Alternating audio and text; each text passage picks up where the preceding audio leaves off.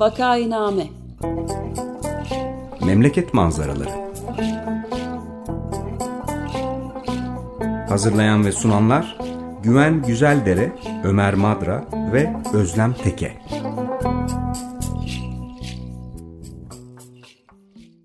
Günaydın Vakainame'ye hoş geldiniz. Burası Açık Radyo 95 FM.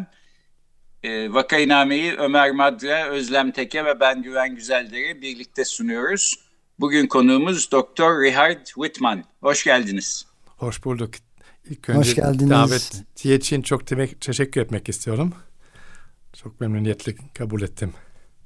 Biz teşekkür ederiz. Biz teşekkür ederiz. Teşekkür ederiz. Merhabalar. Konuğumuz Whitman, Münih ve Berlin'de hukuk, İslam araştırmaları ve Türk araştırmaları okudu. Sonrasında Harvard Üniversitesi'nden Orta Doğu çalışmaları ve tarih alanında doktora derecesi aldı. Araştırma alanları arasında Osmanlı İmparatorluğu ve Türkiye Cumhuriyeti'nin hukuki ve sosyal tarihi yer almakta olup özellikle tarih araştırmalarında otobiyografik kaynaklara odaklanmaktadır. 2008 yılından bu yana Orient Institute İstanbul'da araştırmalar yürütüyor ve aynı zamanda ikinci direktör olarak görev yapıyor. Hoş geldiniz. Hoş bulduk.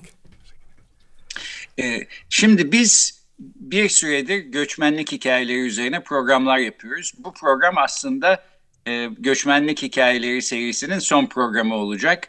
E, zaten 3-4 hafta yaparız diye başlamıştık. E, uzadı, birkaç ayı buldu.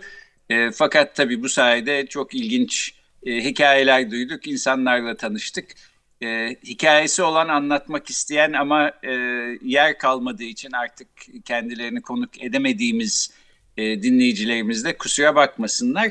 Bugün e, ilginç bir tarafından e, bu göçmenlik hikayelerinin e, yaklaşmak istiyoruz. Daha önce yapmadığımız bir şey. 1930'larda e, Avrupa için bir talihsizlik e, olan Nazilerin yükselişi aslında yeni kurulmuş genç bir devlet olan Türkiye Cumhuriyeti için bir talih unsuruna dönüşüyor ve e, Orta Avrupa'dan özellikle Almanya'dan ve Avusturya'dan bir sürü akademisyen Türkiye'ye geliyorlar. İşte pek çoğu İstanbul Üniversitesi'nde e, yerleşiyor. Bu e, insanların içinde e, dünyaca tanınan çok iyi akademisyenler var. Yani böyle bir grubu işte cazip koşullarla, yüksek maaşlarla falan toplamaya çalışsanız toplayamazsınız aslında. Bu anlamda e, genç Türkiye Cumhuriyeti akademisini ve eğitim sistemini ihya ediyor bu durum. E, edebiyattan filolojiye, işte felsefeden hukuka kadar pek çok alanda pek çok kişi geliyor. Bunların içinde bir kısmı e, bir süre sonra e, başka ülkelere gidiyorlar. Daha cazip işlere işte Amerika Birleşik Devletleri'ne gidiyorlar filan. Bir kısmı ise Türkiye'de kalıyor. E, Türkiye'de kalan hayatının sonuna kadar Türkiye'de kalanlardan birisi Tragot Fox veya Fuchs e, isimli bir e, edebiyat e, profesörü ve filolog.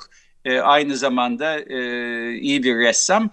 E, Tragot Fuchs hakkında bir belgesel e, hazırlıyor konuğumuz. E, Mayıs ayında gösterime girecek. Biz de onun duyurusunu bilahare yapacağız. Fakat bugün hem Fuchs hakkında konuşmak istiyoruz hem de genel olarak bu akademik göçmenlik dalgası hakkında konuşmak istiyoruz. Ben bir de şunu ekleyip e, konuğumuza öyle e, sözü vereyim.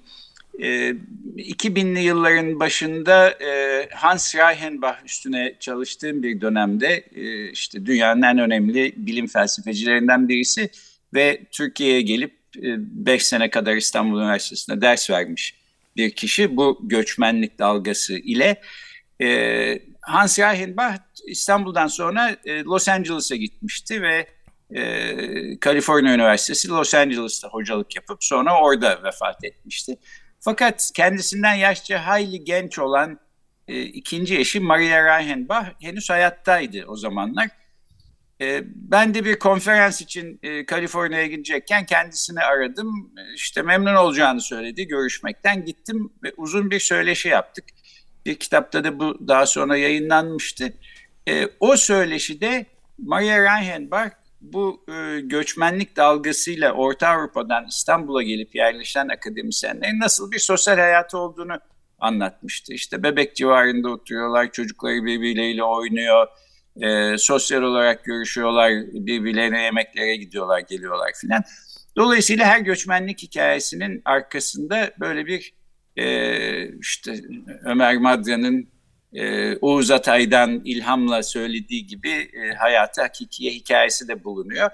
Dolayısıyla bu göçmenlik hikayelerini böyle bir bütüncül e, şekilde ele almak istiyoruz.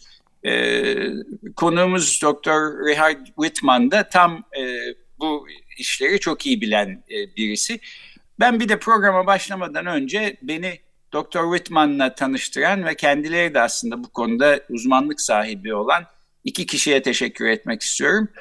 Ee, Yıldız Teknik Üniversitesi'nde ders vermekte olan felsefeci ve bilim tarihçisi e, Pascal Rohr bir tanesi. E, diğeri de e, Dr. Whitman'ın e, ülkedaşı e, Julia Volker. E, sahilerinde Dr. Whitman'la e, temasa e, geçtik ve bu programı ayarlayabildik. Bu girişten sonra e, Dr. Whitman siz belki kısaca bu e, genel akademisyen e, göçü niye oldu, nasıl oldu? Buradan başlasak daha sonra e, Tragot Fuchs'un hikayesine e, geçsek nasıl olur? Evet. Şimdi Almanya'nın belki de dünya tarihinin en büyük felaketi olan 20. yüzyılında e, Nazi dönemiydi. Ve o dönemde bir süre akademisyenler işsiz kaldı. Niye?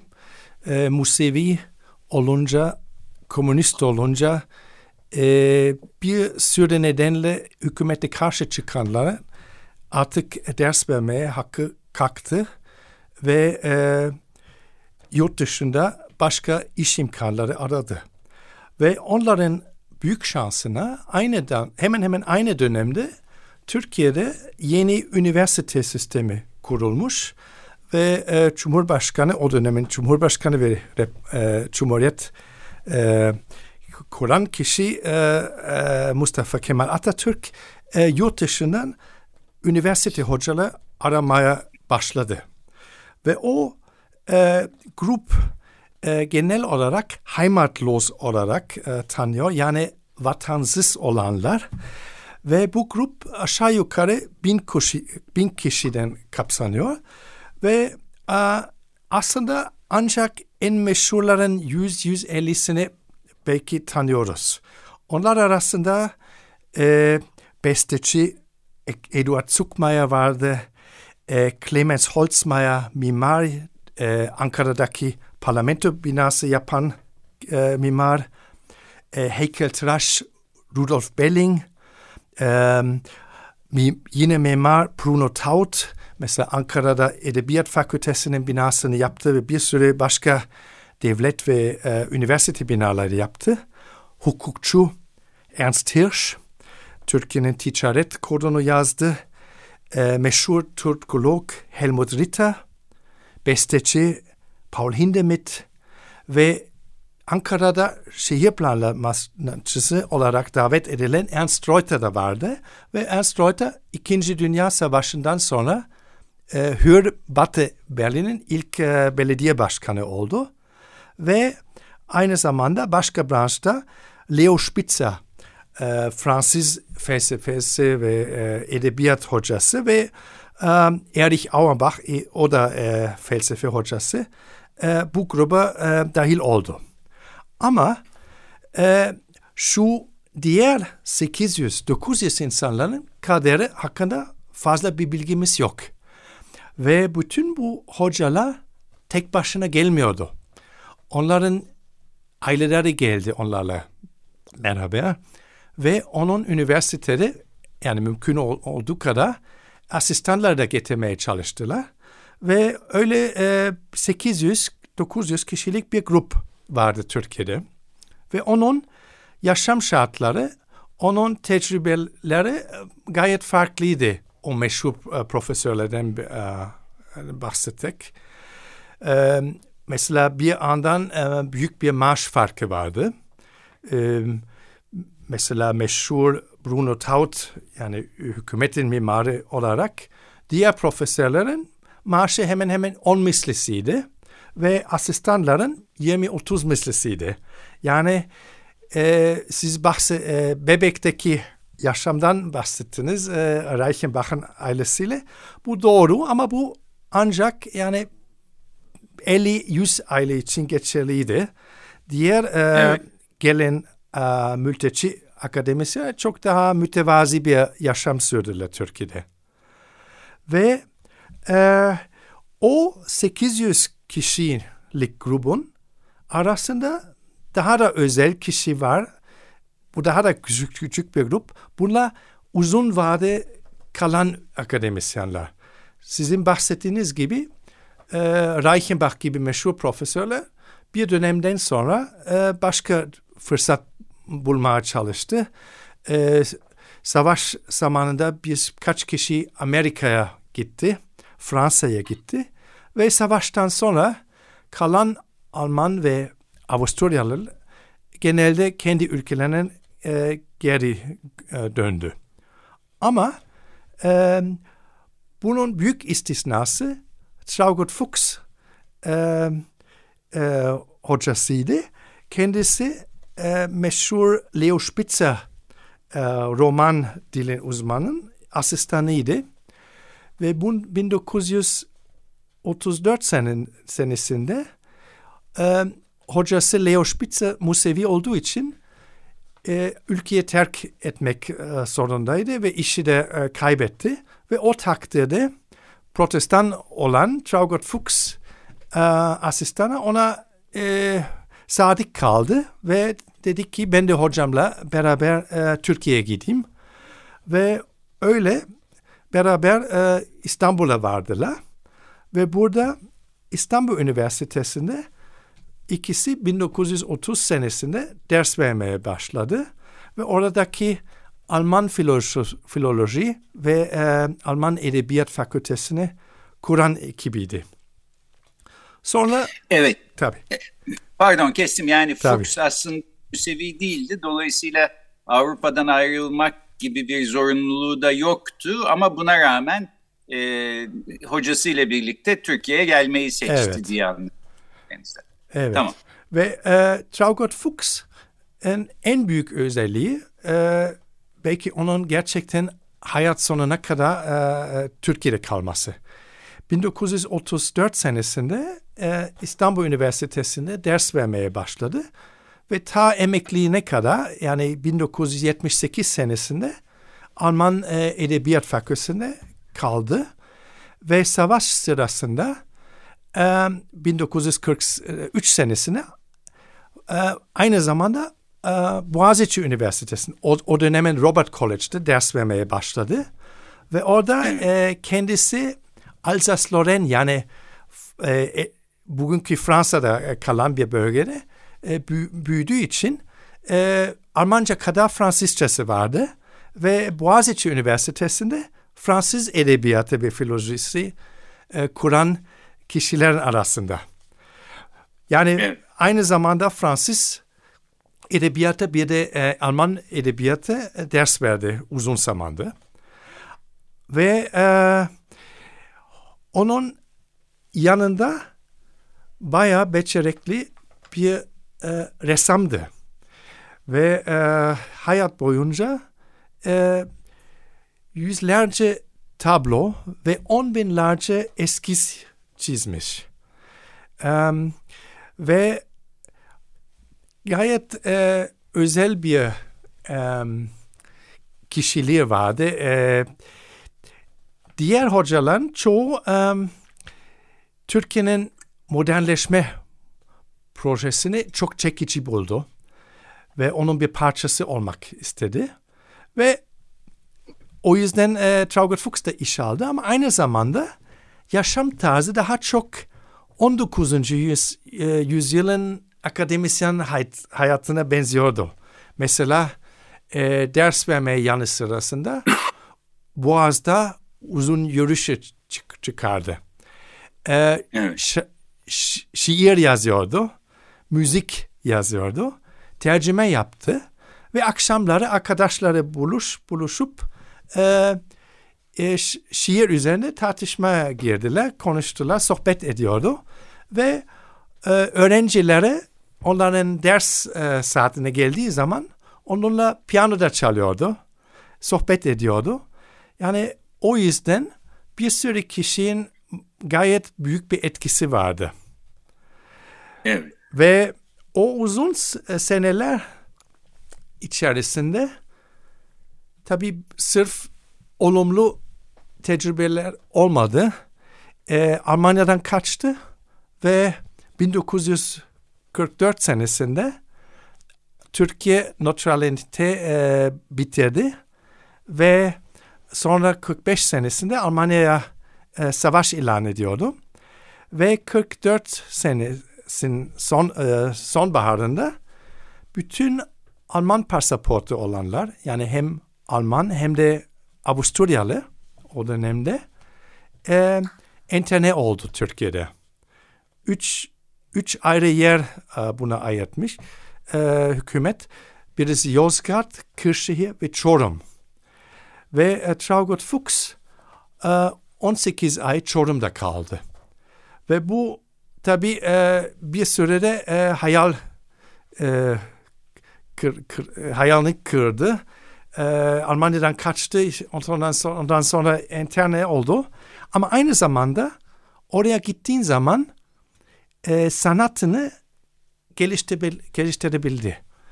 Ve e, bu Çorum aylar büyük bir grup için hayatının belki en önemli, en etkileyici e, tecrübesi oldu. O da sırf e, Nazilerden kaçan değil, o da bütün Alman pasaportu sahip olanı bir araya geldi. Daha önce İstanbul'da yaş yaşadılar, Ankara'da yaşadılar. Çünkü sırf mülteciler değil, e, Almanya'dan gönderilen yani Nazilere yakın olan profesörler de geldi Türkiye'de. Burada da ders verdi ve bu internet zaman, zamanında herkes bir araya geldi, beraber yaşama, yaşamak zorundaydı. Ve bu dönem çok e, incelenmeyen bir dönemdi. Bir, bir sürü sebep düşünebilirim.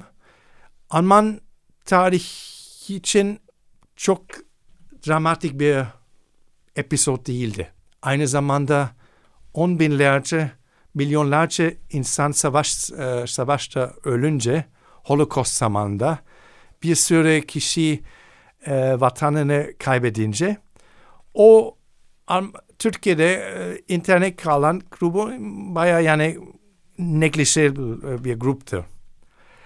Türkiye'nin tarihi evet. ise orada da biraz e, sonunda önemsiz bir ta, e, episodtu. Çünkü çok kişiden kapsamıyordu bu, bu durum. Evet bence yani burada çok ilginç bir hikaye var. E, Turot Fuchs'un başına da gelmeyen kalmamış bir taraftan. Çünkü evet. enterne edilip Çorum'a gönderildiği zaman işte daha 40 yaşında bile değil ama yaklaşık 10 senedir falan Türkiye'de ders veriyor ve Nazi karşıtı birisi olarak gelmiş hayatını değiştirmiş vaziyette. Fakat bir, bir şekilde onu da e, Nazi yanlılarıyla birlikte işte Çorum'a sürgüne gönderiyorlar evet. toplama e, kampına. E, ama yani bundan yararlanmayı bilmiş Fuchs diye anlıyorum ve resim konusunda e, işte mesela e, küsüp bir kenarda oturmamış hatta geliştirmiş işte Doğru. Çorum e, resimleri filan da e, bugün bilinen eserleri arasında galiba evet. değil mi? Evet. evet ben biz... bir de şeyi de sormak istedim. Yani bu bir yandan da casusluk iddiaları sebebiyle sınır dışı edilenler falan da oldu galiba. Yanlış hatırlamıyorsam Robert Vorhölzer mesela bir mimar. Evet. Bruno Tautun. O da oldu. Yani 2 Halefi gibi. 2 Ağustos 44 senesinde diplomatik ilişkileri kesilmiş. Ve o zaman e, bütün Alman pasaportu taşıyanlar için bir seç bir seçme fırsatı oldu. Ya 5 Ağustos'ta yani pardon 16 Ağustos'ta Türkiye'yi terk edersiniz. Kendi ülkelerine dönüyorsunuz. Ya da biz enterne edeceğiz sizi. Ve o dönemde e, hemen hemen e, Almanların Alman pasaportu taşıyan yarısı Almanya ve Avusturya e, dönmüş. 670 kişi civarında. Ama hemen hemen aynı e, rakam e, kalmış ve onlar e, toplama kampı gitti.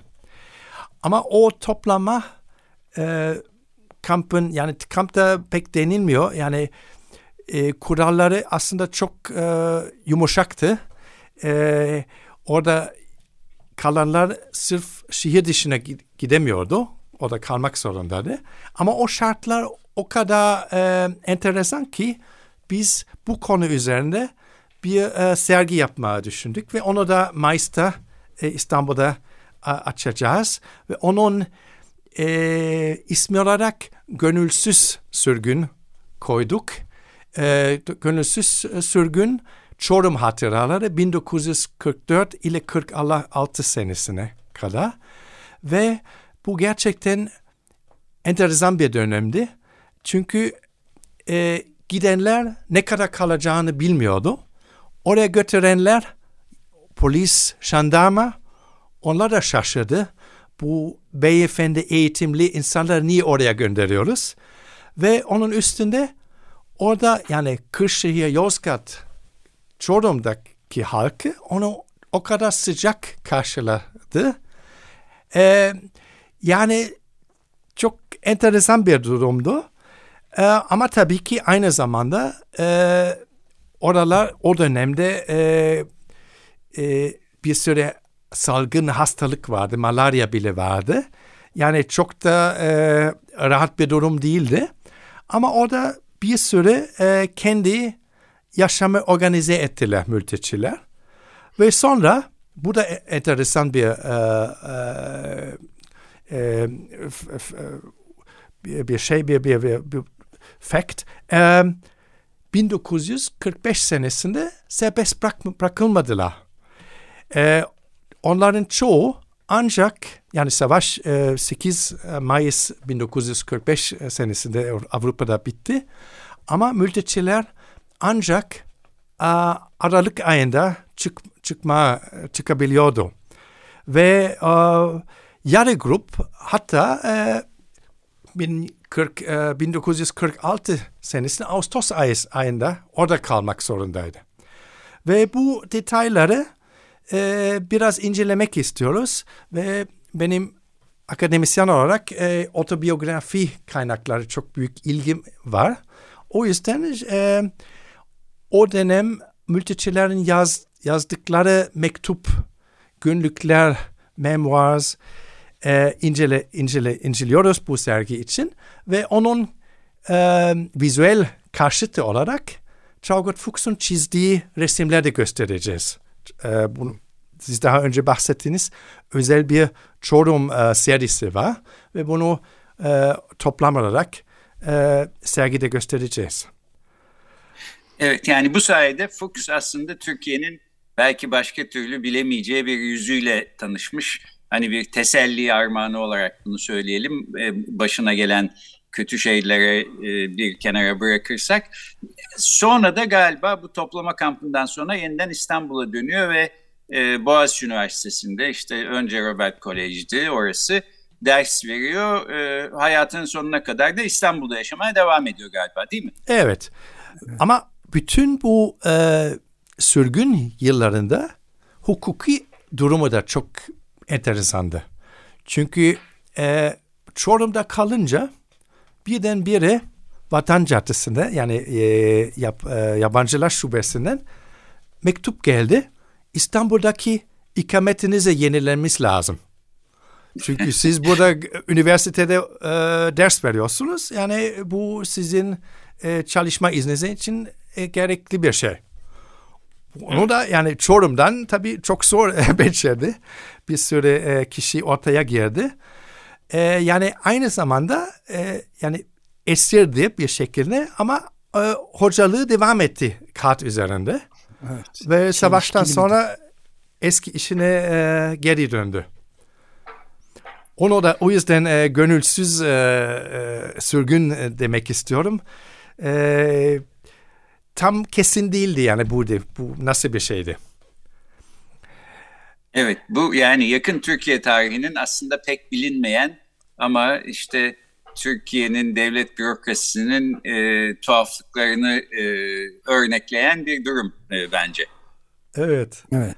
Trajik boyutları da var. Yani galiba süreyi de bitirdik ama e, bir de mesela yalnız akademisyenler bu ünlü sanatçılar, mimarlar, akademisyenler değil. Bir de mesela göç etmek isteyen, sürgün olmak isteyen işte Struma gemisi gibi olaylarda da hiçbirinin almadığı bir dönemi de yaşıyoruz Türkiye'nin ve hep içindeki bütün kaçan Romanya'dan kaçan Yahudiler de sonra Rus e, Karadeniz'de boğuldular sanıyorum. Evet. Onu da ayrıca konuşmak lazım. Evet. Doğru. Ee, e, peki zamanımız dolduğu için burada e, bitirelim. O halde göçmenlik serisinin programlarını da böylece sonlandırmış oluyoruz. Haftaya zaten e, Dünya Emekçi Kadınlar Günü e, o günle ilgili e, kadın hakları hareketiyle ilgili bir program yapacağız. E, bugün konuğumuz İstanbul'daki Orient Enstitüsü'nde yönetici Doktor Richard Whitman'dı. E, çok teşekkür ediyoruz. Ben teşekkür, teşekkür ediyorum. Çok teşekkürler Doktor Whitman. Sergide bekleriz sizi. Teşekkür ederiz. Memnuniyetle. Çok, çok teşekkürler. Görüşmek üzere. İyi günler.